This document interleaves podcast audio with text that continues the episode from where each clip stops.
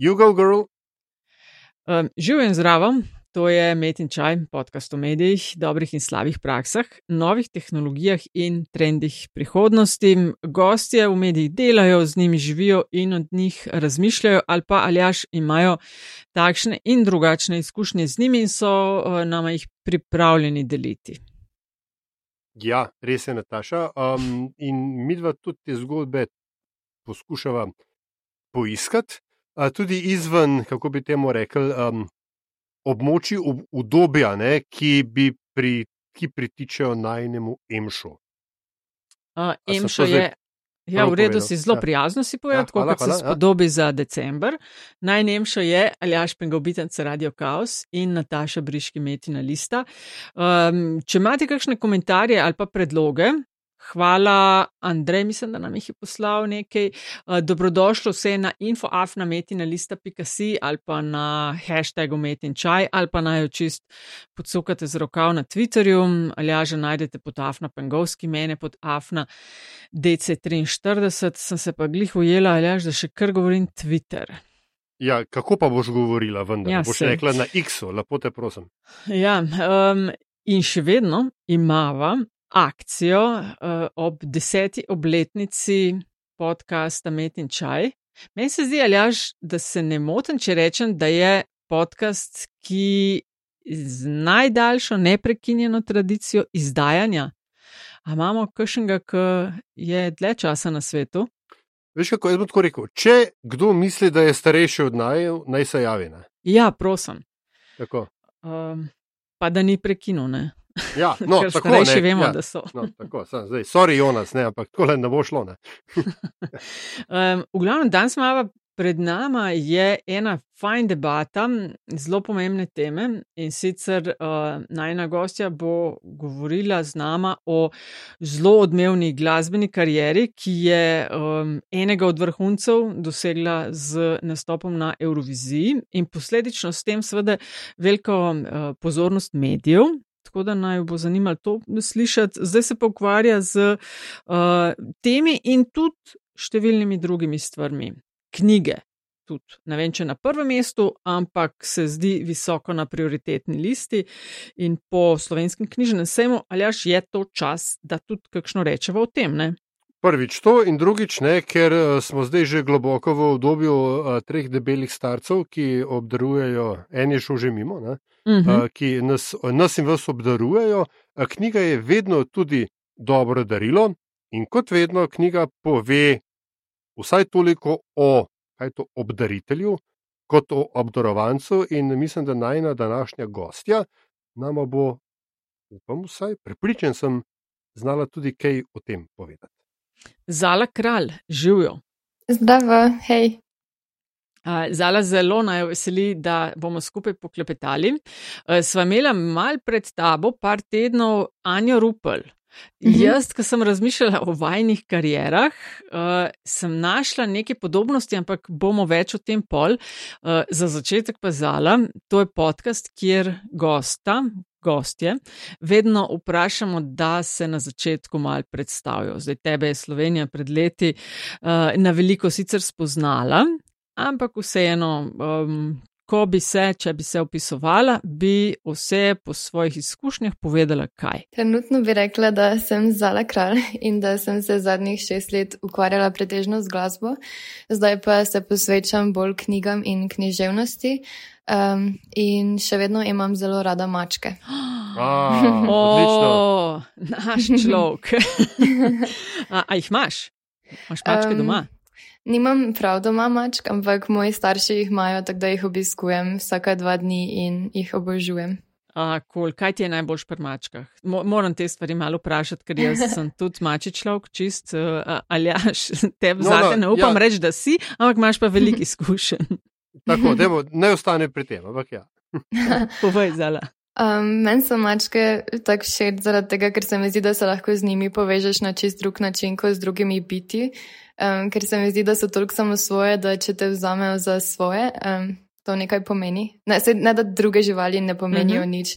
Uh, in tako imam ful rada vse živali na svetu, ampak um, pri mačkah mi je pač nekaj še posebej všeč. Ja, mislim, bodimo iskreni, ne, kako že pravijo. uh, psi imajo lastnike, mačke imajo osebje. Ne, če, če, če se mačka odloči, da, da si pravi, potem si res pravi. Ali tem primeru. Zalam, ker ti sama, vsaj to, kar objavljaš na svojem YouTube kanalu, praviš, da rada daješ tam sicer knjige po kategorijah, uh, uh -huh. bomo recimo, da tudi naš pogovor malo razdelili na uh, kategorije. Uh -huh. uh, glasbena karijera, Eurovizija, izkušnje z mediji, knjige, pa ustvarjanje vsebin na YouTubu, Instagramu, mogoče malo manj na TikToku. No. Tam mm -hmm. se mi zdi, da, nisi, da si prisotna, ne pa prav super aktivna ali pa sem mogoče ja. spregledala. Res je. Uh, lej, prej si omenila da si pred šestimi leti, mislim, šest let ukvarjanja z glasbo. Da nam mal razloži, kako si se ti sploh začela z glasbo ukvarjati. A je to, ne vem. Se mi zdi sicer, da si v glasbeno šolo violina, ne, če se prav -hmm. spomnim. Ja. A se je od tukaj začel? Ali bilo kaj um, drugega? Kaj je bil trigger? Pa v bistvu to je tako klišejsko, kako bom zdaj začela, ampak um, jaz sem pela že, kot, ko še nisem znala govoriti, zaradi tega, ker. Um, Ne spomnim se točno, kera opera je bila na televiziji, ampak prva stvar, ki sem jo baje, pač to mi pravijo. Videla na televiziji je bila ena Verdijeva opera in baje sem dve uri pa pol, sem sedela pred televizijo z odprtimi usti in mi nič ni bilo jasno. Um, in potem sem pač eh, imela zelo veliko željo, da bi postala balerina, kot vsaka, ne se ne, to je spet uh, stereotipno, ampak zdi se mi, da je dosti uh, punc gre skozi to. Um, In takrat je bila moja velika ljubezen Čajkovski. Um, in zaradi tega sem se tudi odločila, da bi šla igrati nek inštrument, pač za klasično glasbo. Um, in spet zelo stereotipno sem se odločila za violino in sem tudi končala eh, nižjo glasbeno. Ampak to se mi zdi, da nima nič tako velike veze s tem, kar sem pol začela. Um, delati v nekem kantautorskem smislu, ker sem na koncu osnovne šole sem, um, se začela sama učiti kitaro. Moja mama je imela staro kitaro in um, je bila razglašena vedno, ampak mi je bila zelo všeč vseeno. Uh, in sem se naučila igrati, pa nekako pet zraven. Um, in potem sem v srednji šoli dobila full-time priložnost, da sem lahko pisala glasbo za šolsko gledališče. Tako da sem tudi. Uh, Ja, tako da sem tudi uh, uglasbila par stvari uh, za predstavo Antigona, pa za Alamuta. To je bilo ful smešno, tista besedila, um, dajati v neke lepe melodije, ker so kar tako malo smešne. Um, ampak skozi to sem pol ugotovila, da mi je ful fajn spreminjati pesmi, ki že obstajajo na tak način, da je mogoče bolj smiselno, da preprosto začnem pisati svoje. Tako da sem potem v prvem letniku srednje šole v bistvu napisala prvo pesem, ki je uh, kar smešna, ampak mi je vseeno ful pri srcu. Um, in ja, nekaj znaš. um, pa v bistvu dejansko ne. Mislim, zadnjič sem ravno uh, razmišljala, ker sem se spomnila ene vrstice in mislim, da sem malo potlačila to pesem, ker je mogoče malo embarrassing, ampak um, skratka, vseeno mi je ful pri srcu, ker ti začetki se mi zdi, da mi bodo vedno ostali v nekem fulepem spominu, ko imaš še nek tak zagon, pa upanje. Um, uh, skozi to sem pol tudi začela objavljati um, kavere na YouTubu, pa tako kratke posnetke na Instagramu in na ta način me je pol tudi Gašpr nekako odkril. Um, in potem pa se je začelo na eno skupno ustvarjanje. No. Tako da valovi so bili prva pesem, potem pa um, pri četrti pesmi sebi pa so šla ja, na Eurovizijo in Um, potem ne govorim dalje. Ali... Nič ni več bilo, kot je bilo. ja. No, ja, mogoče je to, vse, boš pač povedala toliko, kot želiš. Ne? Nihče ti, uh, nih, nih, nihče, bom rekel, ti ne drži pištole na glavo. Uh, ampak uh, vendarle me zanima. Uh, Eurovizija je kljub vsej svoji um, svobodnosti ne, in, in, in da se temu reče, diversity, ne, raznolikosti, z lepo slovensko besedo, je v resnici relativno okostenel in tradicionalen inštrument um, mainstream medijev, da imamo tako reči. Ne. Za mlado osebo, kot se ti, kako drugačen je bil ta svet, mimo samega pač uh, glica in pompa in tako dalje. Ker vendarle tam so pravila, tam so uh, zahteve, tam so ti imaš 4 minute, tukaj stojiš, tam gledaš kamero, kle so lučke. Um, kakšen je bil, kakšna je bila tvoja prva reakcija? Um, ja, Eurovizija je nekaj, kar sem jaz spremljala že od malega, vedno mi je bilo ful fascinantno vse. Um, In smešno je, ker se mi zdi, da sem na nek način vedno imela željo pač biti del tega, ker je tak šov, ko se mi zdi, da ali bi ga želela iti gledati v živo, ali pa pač na nek način biti del tega.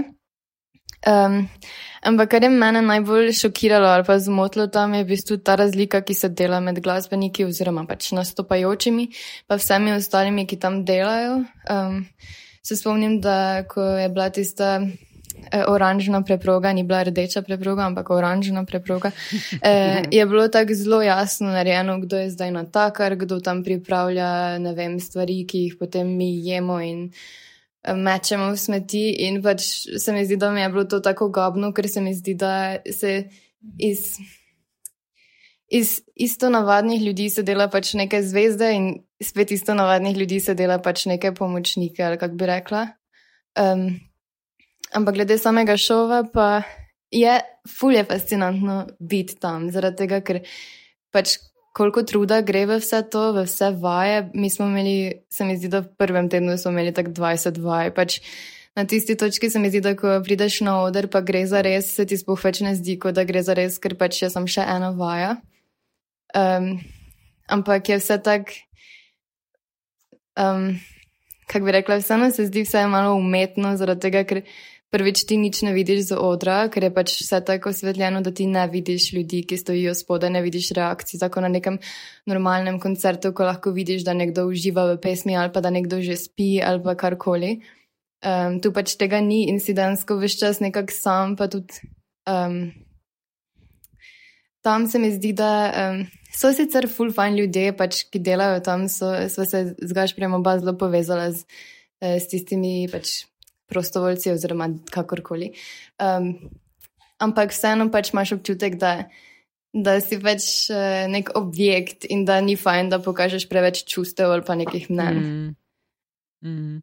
Um, a je Nekje sem zasledila, ali je bil intervju, ali pa si mogoče v svojem YouTubu govorila o tem, po mojem intervju, no, da imaš sama kar tremo. Zdaj to ljudje različno razumejo. Meni se zdi, imeti tremo pomeni uh, imeti tudi neko odgovornost pred določenim nastopom, v redu, če to ni tiste sorte trema, ki te paralizira.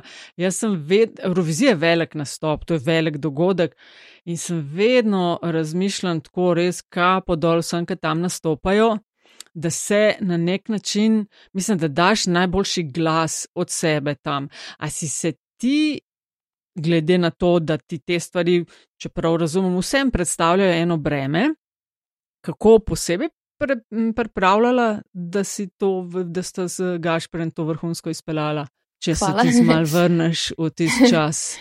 Um, pa v bistvu meni se zdi, da um, prvič pripomore k temu, da, um, da imaš toliko vaj, da se ti na koncu več ne zdi, kot da. Da ko me uh, čakaš, da je mimo vse skupaj. to tudi, ja, pa, ampak vaje so v bistvu na koncu iste, kot je nastop. Pač, um, mm. Vse vaje so bile čisto iste, kot recimo polfinale ali pa potem pač finale. Tako ni razlike, tako da se mi zdi, da to je ena stvar. Druga stvar pa je, da jaz zdaj, ko razmišljam, iskreno meni se spohne zdi, da sem jaz bila tam. Pač to je kot neka zunanja telesna izkušnja, ker če bi zdaj morala iti tja, bi pač umrla. Iskreno. Ne predstavljam si, da bi mi zdaj rekli, zdaj moraš eh, pač nastopati na Euroviziji. Bila bi tak, um, verjetno bi skupadla, iskreno. Ampak takrat pa, ne vem, tudi to je pomagalo, da so imela tam ljudi, ki nama dosti pomenijo. Um, potem malo je tečno to čakanje, ker v bistvu ti prideš zjutraj v ta uh, mehurček, se reče, uh, kar je tudi tako, no, ne vem, sej, I guess, da je fajn, da se malo tudi norca delajo iz vsega skupaj. Ampak mm. v ta mhm. mehurček prideš zjutraj in si tam do večera in pač vmeš čakaš, torej.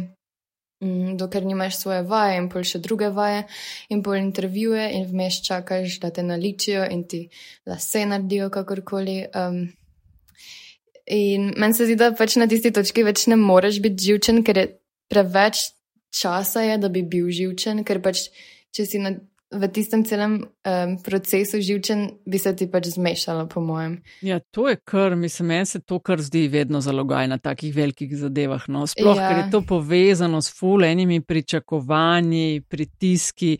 Tako, jaz vedno občudujem, no pa tudi športnike in športnice mm -hmm. na teh najvišjih nivojih, ki vidim dost podobnosti s tem. No? Ja, tistega si pa sploh ne znam predstavljati. Uh, mogoče je to. Um tudi um, točka, ne, pa, uh, pravi, um, pravi ovinek za. Pa če je večkrat preveč osebno vprašanje, povej, ne, bomo zrihtali. Mm -hmm. Ampak a, potem, ko je, pač, ko je Eurovizija konec, ko je adrenalin popustil, ko je tudi ta, ta luknja, ne, ki, po, ki se je zapolnila potem po vsaki taki veliki stvari, je tako malce si človek mal um, prazen. Ne, um, mm -hmm. Kako si ti videla svoje življenje naprej? A ti je to kakorkoli, bom rekel, ne vem, veš, odprlo oči, ti pokazalo pot, ti je reklo, da s, s tem se hočem in s tem se nočem v življenju ukvarjati. Kako zelo transformativna je bila ta izkušnja za te? Pa v bistvu takrat eh, po Euroviziji se še ni čist končalo, zaradi tega, ker um, Potem, ko si del nečesa takega, se mi zdi, da se kar nadaljujejo vse stvari. Takrat tisto poletje me skoraj ni bilo doma, ker so več čas imela neke, neka snemanja uh, ali pa koncerte na okoli po Evropi in uh, se mi zdi, da se ni ustavilo do točke uh, COVID-a v bistvu.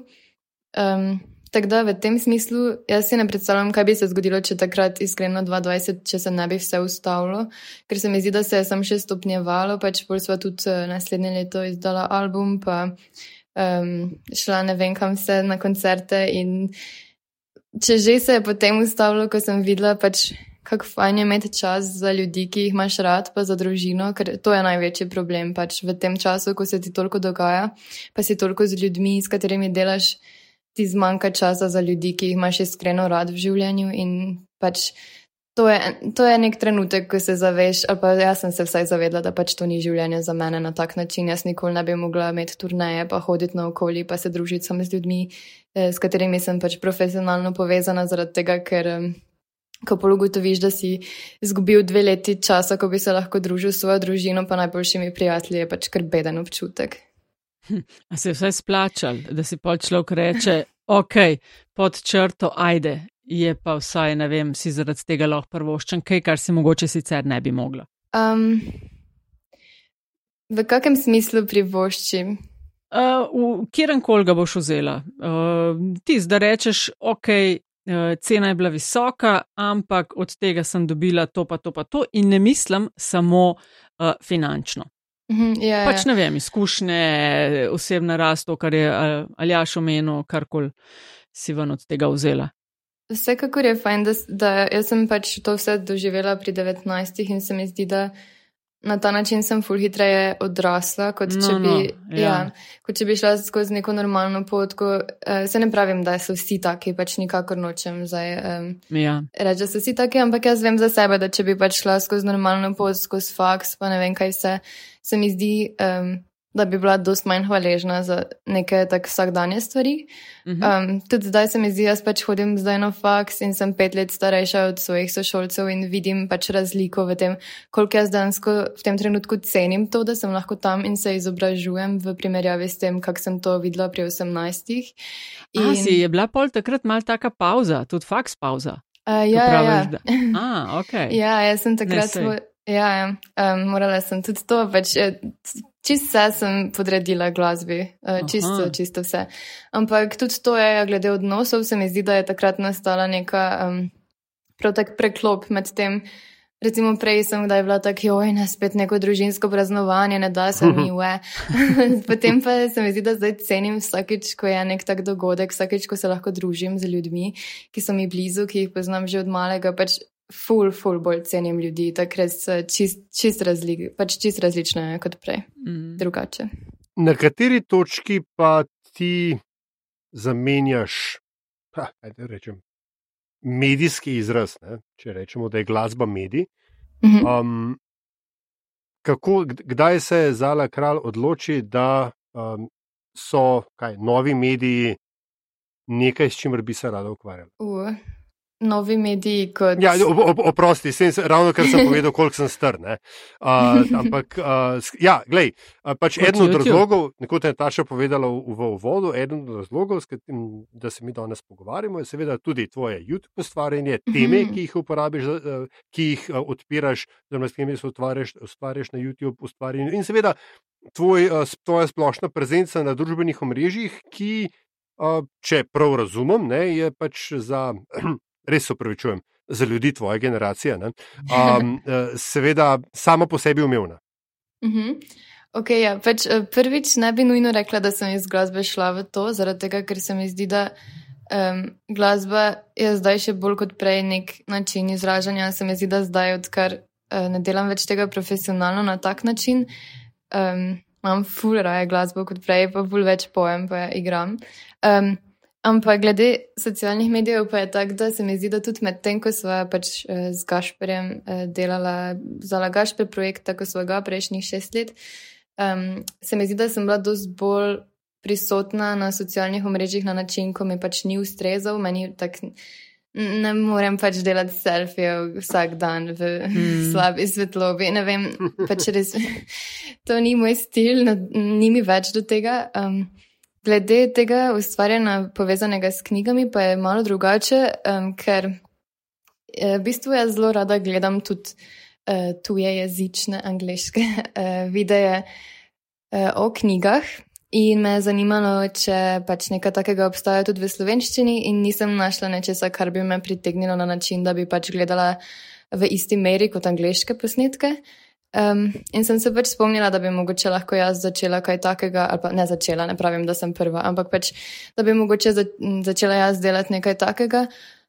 Um, in to je v bistvu tudi en od razlogov, je, da meni se zdi, da jaz se pač ne znam lepo izražati, ko govorim. Uh, in... Zakaj tako misliš? Um, kaj ti ni všeč? Dosti krat rečem um, recimo v tem pogovoru sem verjetno 500 tisoč krat rekla um. Mm, potem, Neopazno, če si, ampak ajde. Uh, potem se mi zdi, da imam neko misel, da je ne znam čisto formulirati, ampak se mi zdi, da sem se skozi snemanje pač teh video posnetkov, um, se mi zdi, da sem se že malo bolj naučila govoriti takoče.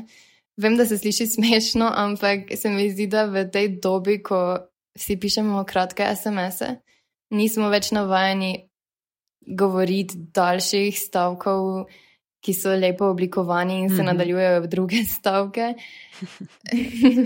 še vem, da se zdaj to prismešno sliši. Sem jaz sem se dosti ukvarjala, pa še vedno se dosti ukvarjam s tem, na kak način se izražam. In se mi zdi, da eh, pač ti videi pripomorejo k temu, da malo vadim to. Plus, da na neki točki sem prebrala full knjig in ugotovila, da če me kdo vpraša o njih, mogoče ne znam povedati toliko o njih, kot bi si želela. In ti videi me malo silijo k temu, da vsako knjigo malo dodatne predelam, da znam pač jo predstaviti nekomu ali pa povedati kaj o njej. In tudi to mi je pomembno, ker se mi zdi, da če črpaš toliko nekih eh, zgodb, pa pač toliko nekih umetniških del ljudi, ki so pač v to vložili trud, je tudi pravilno, da znaš o tem nekaj povedati. Um, glede socialnih omrežij, pa iskreno sem še vedno ful slaba v tem, ker jaz ne maram socialnih omrežij, tako tudi sami ljudmi, če že komuniciram preko SMS-ov, ampak dosti raje pač grem na sprehod s človekom ali pa na kavo. Um, in tudi socialna omrežja mi grejo zelo na živce, ampak pač v tem trenutku se mi zdi, da je to edini način, ko lahko karkoli sploh sporočiš ljudem. Recimo, Book Club, pač jaz ne vem, koliko bi dosegla mm. s tem, če bi lepila plakate na okolje, medtem ko če sem to objavila na Instagram. Je pa res, veš, to, kar pripoveduješ, ker ti delaš uh, pač doma ali kjerkoli že, gledaš v kamero, predvidevam na kompjutorju in mm -hmm. to res je. Dej povej, kakšen imaš miselni proces ali pa kaj si poskušaš kjer predstave v glavi ustvariti, ki gledaš v tist, tisto lukenco oziroma tisti krogec, kjer je kamera in pripoveduješ. Ne? Ker to je kar naporno. Eno je, ne vem, pogovarjati se z nekom, se mi dva mhm. zalažem ali až na nek način delava relativno podobno kot podcaste že leta, delava nadaljavo in se pravi, so vsak v svoji kamri in nikogar ni noter, sem mikrofon vklopljen in pol, ok, imaš nekoga na drugi strani, ampak zdaj ti nimaš nobenega na drugi strani, mhm. tisti moment, ko govoriš o teh stvarih. Kaj si poskušaš predstavljati, ko gledaš v kamero? um, Iskreno, to mi je ful smešno zaradi tega, ker imam ful uh, izsekov neobjavljenih, ko, ko se pogovarjam sama s sabo in sem tako uh, izdala, zakaj si spet, spet to rekla na robe ali pa nekaj. Ali pa ko kar nekaj bluzim in pač pol tega itak ne, um, ne dam v video. Um, tako da, kaj si predstavljam, iskreno ne vem, mogoče si predstavljam tak. A kakšno osebo? Pa Mogoče ne specifične osebe, ampak ali pa ja, mogoče. mogoče si predstavljam tako vse, ko vem, da um, prijazno, redno spremljajo moje videe in sem tako, okay, kaj bi bilo tej osebi zanimivo. Naprimer. Ali pa včasih okay. se mi zdi, da si predstavljam Gašpreja, ker on je full tak. To je zanimivo, to pove, to je zabavno. In pol um, se mi zdi, da mi je lažje, če si predstavljam nekoga, ko ga poznam, da to gleda. In, oziroma, kar mi je v bistvu full fun, uh, je, uh, si predstavljati ljudi, ki ne berajo redno in jim poskusiti razložiti knjigo, predstaviti knjigo na način, da bi jo mogoče vzeli v roke. Ok, ker sem vendarle jaz tisti, ne, ki te podcaste montiram. Moram seveda mhm. vprašati, a, kol, koliko časa recimo snimaš en video, koliko časa ga, ga potem se z njim ukvarjaš, katera urodja za te stvari uporabljaš, take reči. Uh, ok, zabavno vprašanje. Um, torej, snemam na eno kamero, ki. Um, so, to je mogoče preveč, uh, tega ne bi smela mogoče povedati. Ti kar povej, kar povej, kar povej. to kamero sva enkrat dobila za eno stvar in potem je nismo nikoli vrnila. Uh, in je full dobra kamera. Uh, mislim, ni dobra, pač super je, vredo je. Um, na njo snemam um, in potem eh, ponovadi snemam nekje pol ure, bi rekla, odvisno, kako dolg je video. Uh, za te mesečne wrap-upe je ja, nekje pol ure, ker se toliko krat zmotim, da um, moram stokrat posneti isti stavek.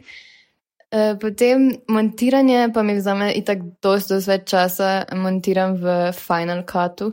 Um, in bi rekla, da za nek petminutni video verjetno porabim Jaz sem ful počasna s temi stvarmi, tako da to mogoče ni reprezentativno, ampak bi rekla, da porabim nekje dve uri, pa pol do tri ure, zaradi tega, ker pač moraš vse zrezati ven, um, potem pa jaz nalepim še te slikice knjig in to, um, in pač vseeno vzame nekaj časa. Um, Prejša si pa... od mene. ne, se mogoče sploh, mogoče porabim deset ur. Iskreno, da dejansko ne vem, ko si naštopam nikoli, ampak. Zdi se mi, da gre dosti časa, ampak več kot, bolj kot to, da gre čas, je tečno sam sebe poslušati, toliko krat povedati isto stvar. Um, pa spet, ja, pač dosti um, je ugovorim in potem moram vse to rezati in tudi to je tečno, ko vidiš, koliko krat rečeš neko tako stvar. Um, potem najbolj tečno pa je meni uh, za zdaj ironično, zelo ironično mi je uh, delati podnapise. E, to je ironično zaradi tega, ker študiram prevajalstvo. Um, ja, ampak pač sam proces pisanja podnapisov mi gre na živce, ker če bi pač sam poslušala stavek, pa ga povedala, pa pol poslušala drugi stavek, pa ga povedala v angleščini, bi šlo. Ampak tisto, ko moraš najti pravi trenutek, napisati stavek v angleščini, najti pravi trenutek, napisati stavek, pa je full tečno meni. Um, Tako da, ja, v bistvu gre full časa v en video zaradi tega, ker. Mogoče še nisem toliko vešča, sami urodi, pa tudi eh, zdi se mi, da sem v enih pogledih malo perfekcionistka, ne za res, niti slučajno moji videi niso popolni, ampak ja, ne vem. No, ampak um, super, uh, nadaljevanje, prosim, Nataša, ki preskakujem vrstne reči. Kar, kar. Um, na kaj pa paziš, ko postavljaš, ko postavljaš šot, ne, kot se temu reče, ko, ko, uh -huh. ko, ko pripravljaš snemanje? Na kaj vse paziš, ker ne, recimo, da so temu to zdaj že praktični na sveti za um, bodoče YouTubere. Mm -hmm. Ok. Um... Pomembna je svetloba, zelo pomembna je svetloba. Uh, in zdaj v tem novem stanovanju imam uh, ful veliko srečo, ker je pač to ogromno okno ravno nas, pač uh, na nasprotni strani od mojih uh, največjih knjižnih polic in se mi zdi, da je to popolno. Ampak kar sem ugotovila pri snemanju, je v bistvu to, da je skoraj bolj pomembno, da imaš dober zvok kot dobro sliko. A zato bistvu... s telefonom snemaš uh, vsaj ja. ene?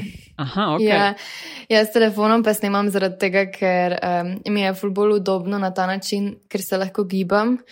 Um, pa eh, tudi ne da se mi vsakeč postavljati mikrofona, ker jaz sem prej snemala na isti mikrofon, s katerim sva mislim, s katerim z Gašprem snemava glasbo. Um, in to je ful zamuden proces, eh, trenutno pa se me ne da investirati v tiste mikrofončke, ki jih držiš isto kot telefon, ker pač imam telefon, ki ok snema. Um, skratka, jaz zdi se mi, da sem opazila, da je bolj pomemben dober zvok kot dobre slike. Tudi zaradi tega, ker se mi zdi, da pri, teh, pri tem stilu video dosti krat ljudje jih tudi gledajo na način, da jih bolj poslušajo kot podcast in potem je pač bolj pomembno, da, da te dobro slišijo. Mhm, absolutno, uh, mislim, zelo pomembno. Mi dva sva na začetku, ali aš, ko enih stvari nismo imeli poštima na svojih, dober slike itak ni bilo, ja, ja. ampak na zvok uh, in čisto pravičeno. No? Sploh, ker se danes imaš res in aplikacij in mikrofonov po recimo dosti dostopnih cenah. Ne? Konc koncev mhm. tudi s telefonom si lahko pomagajo. Ne? Se veliko najnih gostov se snema na uh, nek recording app na telefonu. Mm -hmm. To je res, ampak ja. predtem te spustim po tej temi, uh, da je še kaj uh, ozadje, ker vendarle, veš, Aha. eno je, če se ti postaviš pred ne, če je za tabo druga šipa, da kako. Mm -hmm, okay. uh, ja, v tem trenutku imam smiselno ozadje knjižne police, ki jih tudi um, zelo rada različno sortiram in premikam vse vsak dan in je verjetno že tečno.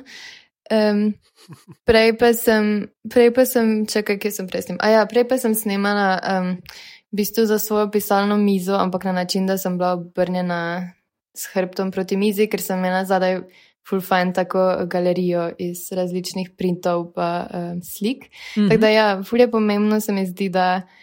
Um, Ne bom rekla zdaj barve, zaradi tega, ker full fine lahko zgleda tudi, če imaš eh, recimo neke rjave odtenke ali besive, ampak mogoče, da je vseeno zanimivo v smislu zadja, pač, eh, da se nekaj dogaja. Um, ampak ne pa preveč. Uja, rože so, so rože fine. mm, res je, pa knjige. Uh, omenila si med drugim skozi intervjuje skozi leta, da te je in vaju z Gašperjem, mogoče njega manj kot tebe, no obremenjevalo ta non-stop pritisk, zdaj je treba to ustvariti, pa verjeten, kdaj tudi založbe, pa te koncerti, pa te intervjuje dajati. Ampak tudi na družbenih omrežjih, recimo, je en pritisk s tistimi rokce, gor, lajki in podobno, po ustvarjanju še več, da dobiš še več ljudi na svojo stran. A tega, kar si čutila. V recimo, da običnem svetu, zdaj v novih medijih, ne čutiš tega pritiska, da je treba vedno novo ali pa kaj v tem smislu. Uja, vsekakor. Mislim, pri glasbi, oziroma pri tistem, kar so prej delale, um, tako pravim, pač, da, da je pričakovano, da vsak drugi dan objaviš neke slike. Ja. Um, meni je to šlo fulno živce. Jaz, jaz se ne morem fotografirati na, na tak način. Pač, ljudje dejansko preživljajo svoje dneve na način, da se grejo fotografirati, na način, da zgleda, kot da so jih mimo grede naredili to fotko, ker so pač šli na neko kavo. Ne vem. Yeah. Ja. Meni je to tako resno razumem, da je pač to enim služba in tudi ful spoštujem to. Iskreno pač meni se zdi, da mogoče ne zgleda, da influencerji vlagajo delo v to, kar delajo, ampak oni morajo vložiti toliko dela in toliko nekega psihičnega.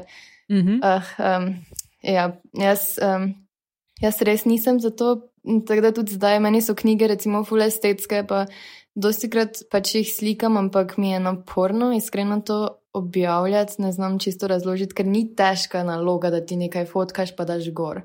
Ampak meni se zdi, da pač vzame full več, uh, mislim, da zahteva full več teže to vse skupaj. Um, In ja, ker tudi... ni mogoče, sorry, ker te prekinjam, mm -hmm. ker mhm. mogoče ni samo video, na katerem razlagaš o mm -hmm. eni mhm. knjigi, ampak v postprodukciji še pol neki razni grafični ja. dodatki, pa pol fotografije knjig, ker je treba non-stop nam kot gledalkam in gledalcem, mm -hmm. da mhm. se nekaj dogaja, da je nekaj pestrega, ker imamo ta attention deficit disorder in mm -hmm. bežimo non-stop stran. Ne?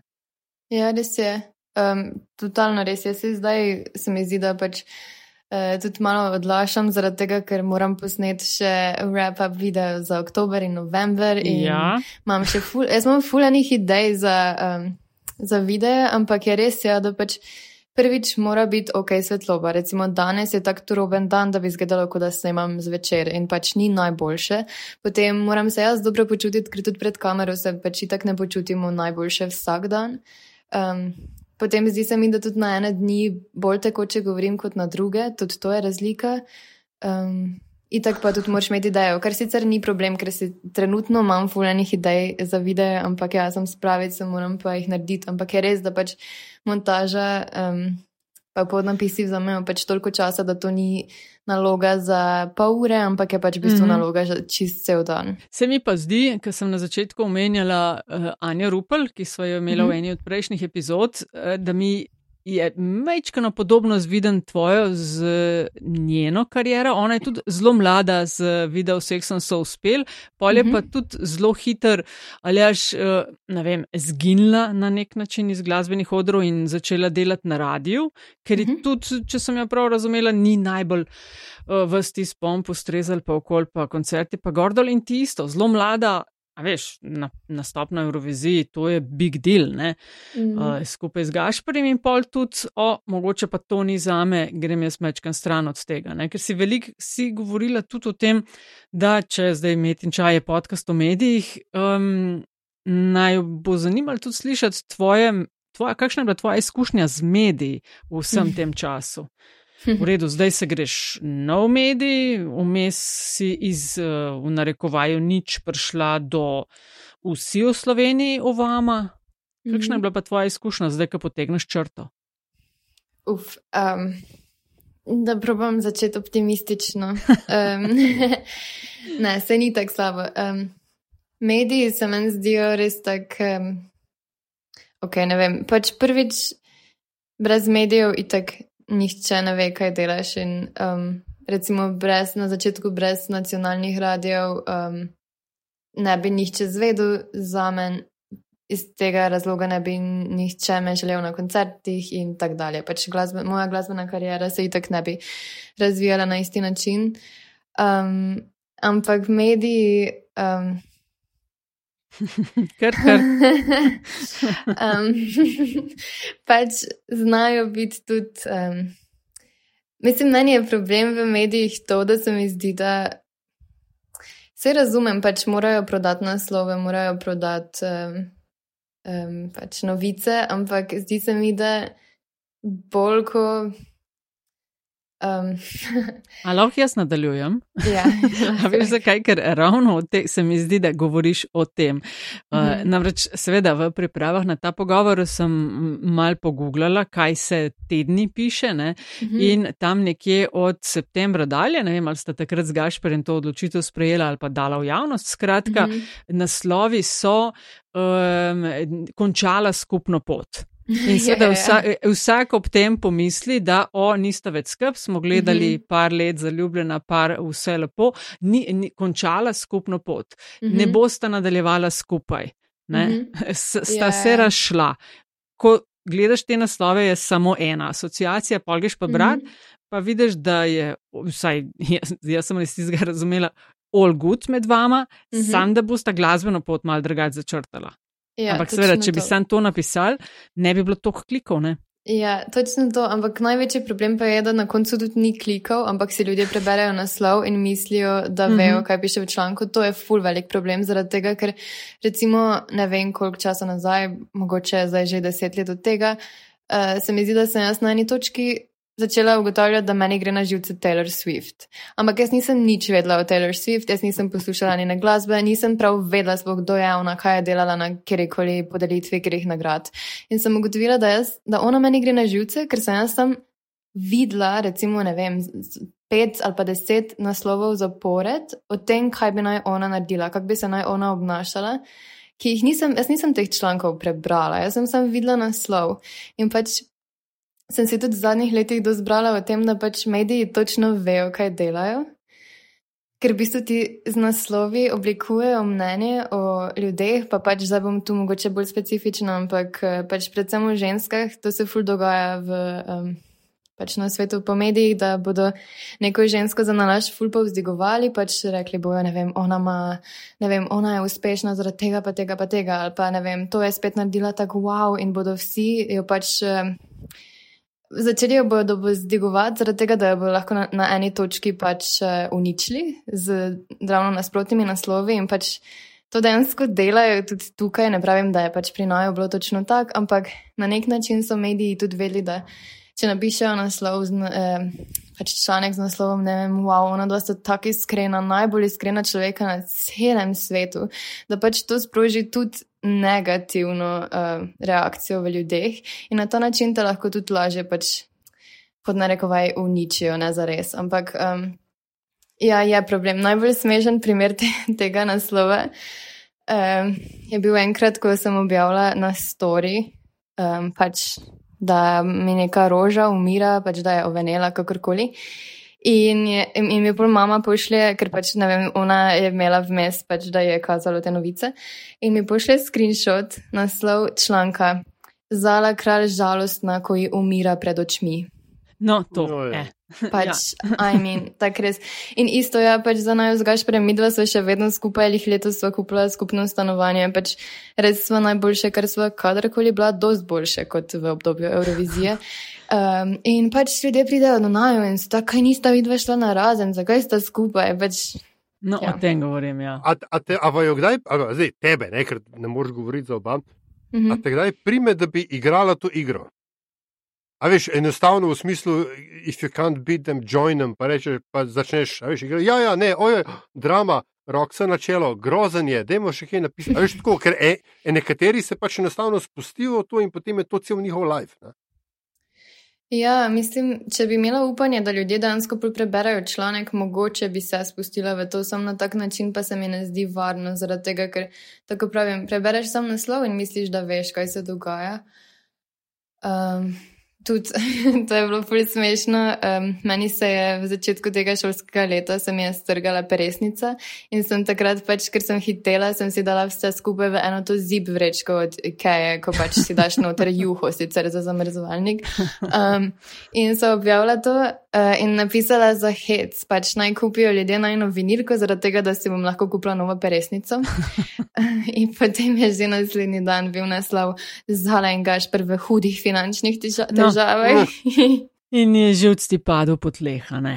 Ja, mislim, pač jaz se mi zdi, da mogoče sem malo pesimistična zadnje čase glede sveta nasploh, ampak pač iskreno več nimam ideje, kako bi lahko vplivala na to, ker se mi zdi, da tudi to je full velik del um, vsega skupaj. Recimo, jaz sem letos. Um, Ker itak pač, ko je Gašpor izdal to novo pesem, Morski psi, eh, so vsi želeli vedeti, kje sem jaz. In pač na eni točki sem itak rekla, da ok, bom pač na, enkrat bom povedala, recimo, kaj se dogaja. Čeprav sploh ni nič takega, pač odločila sem se, da zdaj trenutno ne bom delala glasbe, pač ni big deal, tako res ne bi rado biti big deal. Ampak um, sem pač omenila, da uh, sem med drugim imela panične napade in iz tega je prišlo ven, da sem jaz zdaj nehala svojo kariero zaradi paničnih napadov. Ampak jaz sem imela panične napade zaradi tega, ker sem delala nekaj, česar nisem hotla. Ampak pač ljudje, ko prvič vidijo neko ustrezno rešitev, ki jim pač ima smisel. Bodo tistega se tako klenili, da tudi če jim jaz zdaj povem, da ni bilo tako, pač če bodo tako, ne, ne, ne, ti si nehala zaradi paničnih napadov. Mm, to pa ostane. Koliko časa si mogla razmišljati, da si sprejela v bilo podcast Met in čaj? Ej, ne ravno dolgo, pač ni mi, ni mi, spoh mi ni problem. Če imam, spoh, če imam možnost jaz govoriti, torej, da se to, kar jaz dejansko rečem, da se to sliši, da me nekdo ne citira, kao. Pa reže, um, pa potvarja, pa mhm. manipulira uh -huh. z izjavami. Ja, ja, ja. To mi je fajn, pač, ker vem, da no, upam vsaj, da bo ful ironično, če boste zdaj vidva tako zrezala, da bom jaz rekla nekaj fulgrdega o nekom. Um, ampak, ne, mi dva to uh, spodbujamo. ne, se se hecam. Ne, se ne, se jaz tudi. um, ne, na tak način mi je fajn, pač zaradi tega, ker vem, da to, kar jaz rečem, da načeloma to pride ven. Čeprav tudi zdaj je na, v vajnih rokah, da oblikujete naslov. Pač isto se lahko vidva zmislite, pa napišete, Zala kralj je imela med našim podcastom panični napad. Pač... No, lej, boš ja. kar ti. Evo, ti bo prepustila, lahko je pa tudi brez. ne, ne, ne, ne, ne, ne. naslov bova dala midva, zdaj se v redu. Se nimamo ga vedno. ne, se je nač tazga. Um, dej povej, 2022 si rekla, da si boš zapomnila po paničnih napadih, sej 2023 še ni konec, ampak sam še par tednov je, po čem si boš pa 2023 zapomnila. Si začela sicer v tem letu, kaj 8-9 mesecev nazaj, delati prav ta svoj um, YouTube kanal. Uh mhm. -huh. Zala kralje naslovne, ali mislim, da nimaš drugega. Ja, imam kar zala kralj. Kdo jo želi najti? Ja. ja, mislim, da se najlažje uh, najde kot zala kralj knjige, ker če je zala kralj, potem bo vedno tisti eurovizijski posnetek. Um, ja, v bistvu sem. Um, ja, YouTube kanal sem začela januarja, ampak še predtem en mesec sem pa organizirala prvo srečanje Book Cluba in mislim, da je to ena stvar, po kateri, čeprav se je ja, zgodilo um, prejšnje leto načeloma, ampak to leto je bilo večino srečanj. Eh, do zdaj uh, se mi zdi, da bi se mogoče potem kar fajn zapomnil na to leto, zaradi tega, ker se mi zdi, da je to najboljša ideja, bila najboljša ideja moja v zadnjih letih. Um, pač imam ful rada ta book club, ful rada se srečujem. A to imaš odprto, a to imaš čisto odprto book club. Um... Kdo ja, želi, pa malo se tudi fizično srečujete, pa debatirate o knjigah. Ne? Ja, tako je. V bistvu imamo um, reče se Zaljen Book Club, ker se nisem spomnila bolj izvirnega imena za zdaj. Eh, se približno na vsaka dva meseca v Mariboru, um, ampak lahko pa tudi sodeluješ prek um, spleta, zaradi tega, ker pač. Um, V bistvu je meni tako, ful mi je fajn, ful sem uh, počaščena, da se vedno več ljudi prijavlja na Book Club, ampak na eni točki sem pač morala dati omejitev, zaradi tega, ker bi vseeno rada, da eh, ko smo fizično tam, da je pač skupina manjša, zaradi tega, da se lahko mm. razvija neka malo bolj intimna debata, pa lahko vsi pač povejo svoje mnenje. Um, tako da, ja, pač. Um, In to, to je mogoče zdaj tam nekje deset limitne. Ja, zdaj nas je nekje maksimalno 18, zaradi tega, ker že to je fulne. Ampak mm -hmm. mi je pač, malo mi je bedno, če nekdo reče, hej, prebral sem knjigo, lahko pridem na book club, pa bi mi bilo bedno reči, ne, pač ne moreš. Uh, in tako da pač jaz sem ustvarjala ta book club z namenom, ker se sama nisem mogla z ljudmi pogovarjati o knjigah, ker niso pač brali istih knjig ali pa niso brali toliko hitro. In mi je zdaj bedno, da bi pa nekomu vzela to možnost, če pač organiziram book club iz tega namena. Ampak. Um, V bistvu lahko tudi načeloma sodeluješ prek spleta, zaradi tega, ker sem ugotovila, da bi mogoče več ljudi sodelovalo, pa pač ne morejo vsi priti na srečanje, tudi če so recimo iz tujine ali pa kaj. Tako da um, potem na dan srečanja objavim slikico s knjigo in lahko pač spodaj napišeš svoje mnenje, neko strnjeno mnenje, ki je sicer dosti krajše, kot bi ga delil mogoče na fizičnem srečanju, ampak vseeno malo pa lahko sodeluješ na tak način. Zelo kaj se temu reče, uh, uh, um, garden variety vprašanje, ampak kaj bereš? Uh, uh, kaj berem trenutno? Kaj, ja, berem kaj, kaj, kaj je tisto, kar, um, kar bo nastopalo v uh, oktobrskem in novembrskem wrap-upu, ki se morate še zgoditi? Res je, hvala za opomnik. Um, uh, oktobra pa novembra sem poskušala brati čim več jesenskih knjig, ker tako sem uh, v prejšnjih videojih na smešen način že milijonkrat omenila, se mi zdi, da je jesen najbolj popolna za branje. Tako da sem brala vse od. Um, ki sem že začela, uh, da se moram spomniti, kaj sem. Ja, za Book Club smo brali uh, Nevidno življenje Adile Ru, kar je v bistvu zgodovinski fantazijski roman o eni uh, ženski iz 18. stoletja v Franciji, ki sklene uh, pogodbo s hudičem. Uh, to je ena stvar, potem brala sem večinoma vse fikcijo, ker pač vseeno imam trenutno najraje fikcijo. Um, o eni čarovnici, ki se zaljubi v knjižničarja. Potem o eni ženski, ki gre raziskovati vilinska bitja na Norveško. Um, da se poskušam še spomniti stvari, ki se jih bom tudi morala spomniti zaradi videa. Um. je to upam, da si delaš kakšen, da imaš kakšen Excel v narekovaju, ker glede na to, Uja. da si jih v 22 prebrala 85, se pravi, ja. da koliko jih je ene 7, 6, 7 na mesec. Mm -hmm. uh, Boš, po mojem, kar moš imeti en spisek. ja, pa tudi imam ful rada spiske, pa preglednice, tako da v bistvu si oh. delam dva različna seznama v pač eh, novcih na telefonu, pol si delam eh, dva različna seznama v Excelu in pa imam še tudi fizično dnevnik, v katerega si pol napišem še kratko mnenje. Tako da načeloma ja sledim temu, kar berem, ampak ko pa se moram za nazaj spomniti, pa se ne morem. A ja, lih sem včeraj dokončala knjigo Klara in Sonce, ki govori o, med drugim o umetni inteligenci, ki mene osebno zelo straši. Tako da um, zelo dobra knjiga. Um, A, veš, pa v tem moraš... trenutku se ne spomnim. A veš, kaj eh, ti moram še povedati, kaj mi je bilo fajn? No, sej, na začetku tega podcasta si govorila o tej izkušnji iz Eurovizije, pa rdeča oziroma ne vem, kakšna oranžna preproga je bila.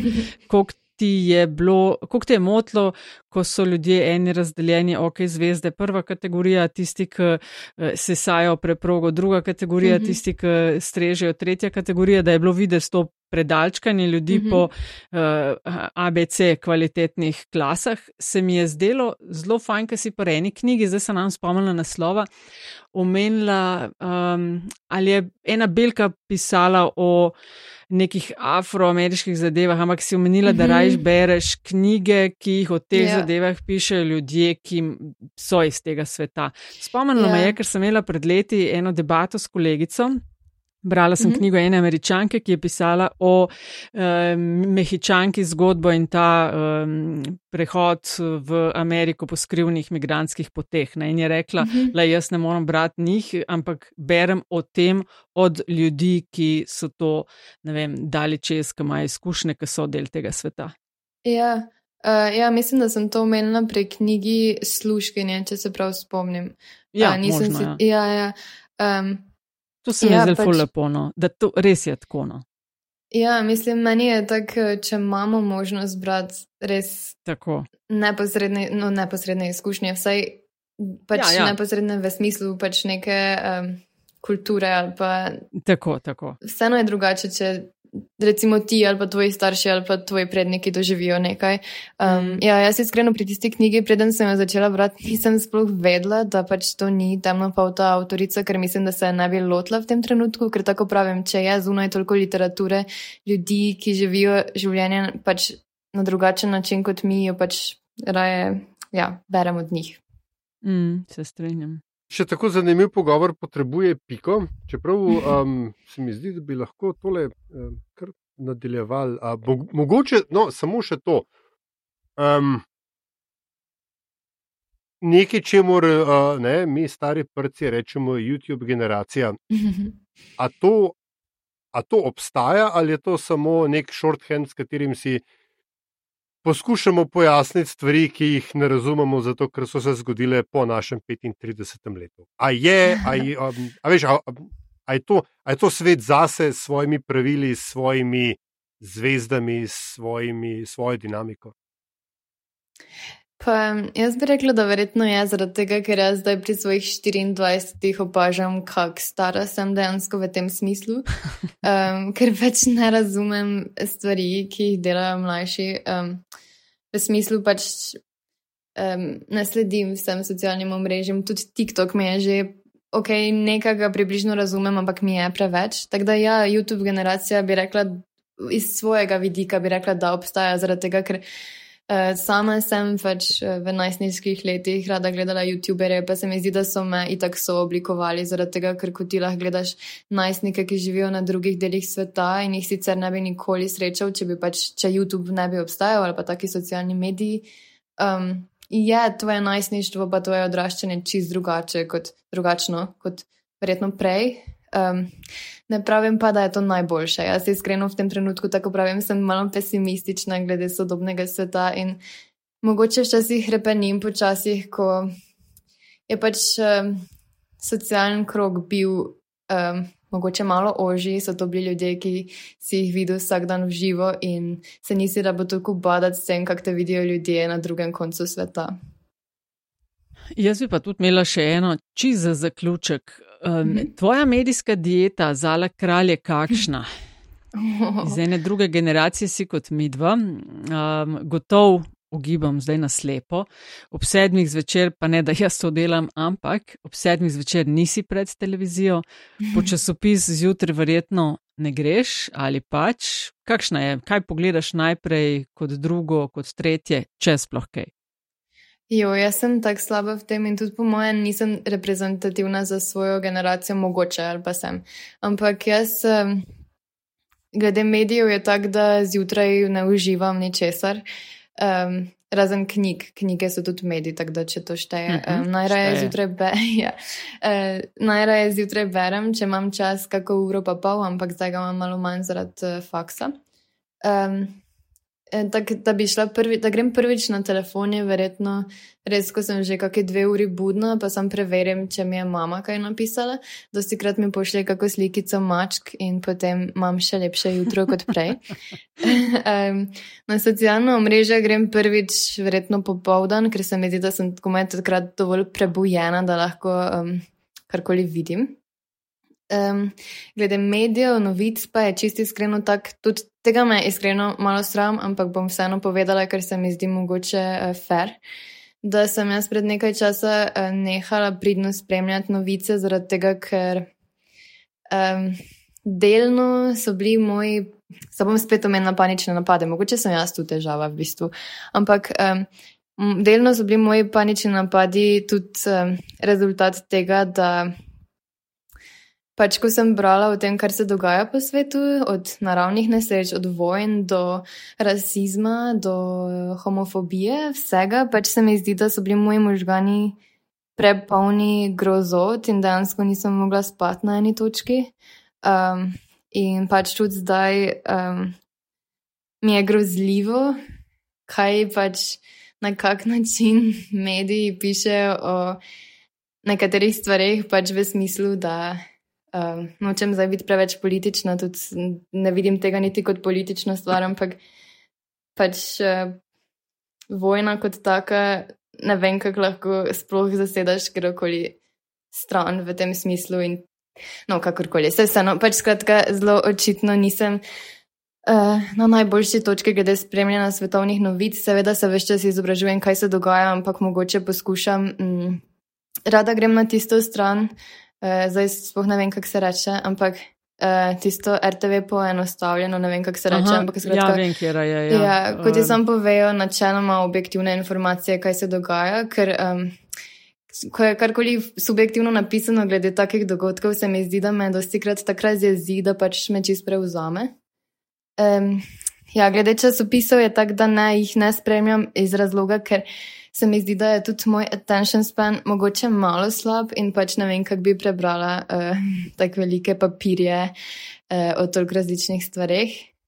Um, ja, ob sedmih zvečer pa ponavadi tudi berem, iskreno. In mislim, da se reče strani enostavno, novice ja, v ja, lažje ja. razumljivom jeziku, nekaj takšnega. Um, prav, pa smo pa prvi zaključku ali až. Tako, um, res vsak pogovor rabi piko. Ne? In kaj je. naredimo po piki, Nataša? Po piki vprašamo gosta oziroma gostjo po zanimivosti. Slišali smo jih veliko, da rada bere knjige, lahko spremljate na njenem YouTube kanalu in seveda rada pije tudi čaj, to sem opazila. Pa da ne, če ne bi bila glasbenica, bi bila knjižničarka, tudi to. Zdaj pa zala um, zanimivost, ki jo želiš z nami deliti, je kaj?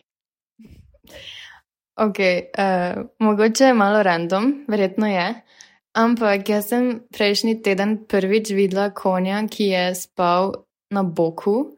Um, kar je zanimivo iz razloga, ker sem jaz 11 let trenirala jahanje in nisem nikoli videla konja, ki bi bil tako sproščen, da bi dobesedno spal na boku, ker konji ponavadi spijo ali stoje ali pa če že počivajo na način, da. Um, spijo tako na trebuščku in imajo noge tako eh, skrčene. Na boku so samo takrat, ko se načeloma valjajo po blatu, ampak ta konj je dobesno spal na boku in bil je živ, ni bil mrtev. In mene je to tako fasciniralo, da pač vsem povem to. Ja, se je res posebno. No, jaz nimam izkušenj eh, z njimi, razen kratke epizode, ko smo snemali za, mislim, da Formula, ne, za oddajo v golfu smo nekaj v Lipici snemali in vem, kakšno grozo sem doživljala, ko so se tisti lipicanci 15 metrov visoki zapodili vsi skupaj v čredi proti meni in mhm. tam sem umrla. Ampak sam zato, ker ne poznam, nisem nikoli uh, delala kaj s konji, no? tako da mhm. zelo je ne poznam. Verjamem pa, da so krasne živali. Ja. Aljaš, pika je narejena, to Tako? je 267. epizoda. Zala kralj, najlepša hvala, da si z nama spila tale metin čaj. Uh, vse hvala dobro vama. vsem, kar počneš uh, za tvojo. Bomo priložili na stran povezavo na tvoj YouTube kanal, pa na Instagram, uh, pa ne pozabiti slike poslati, fotke. Ok, zmenjeno, hvala vama, ful. Hvala tebi, super je bilo pa srečno.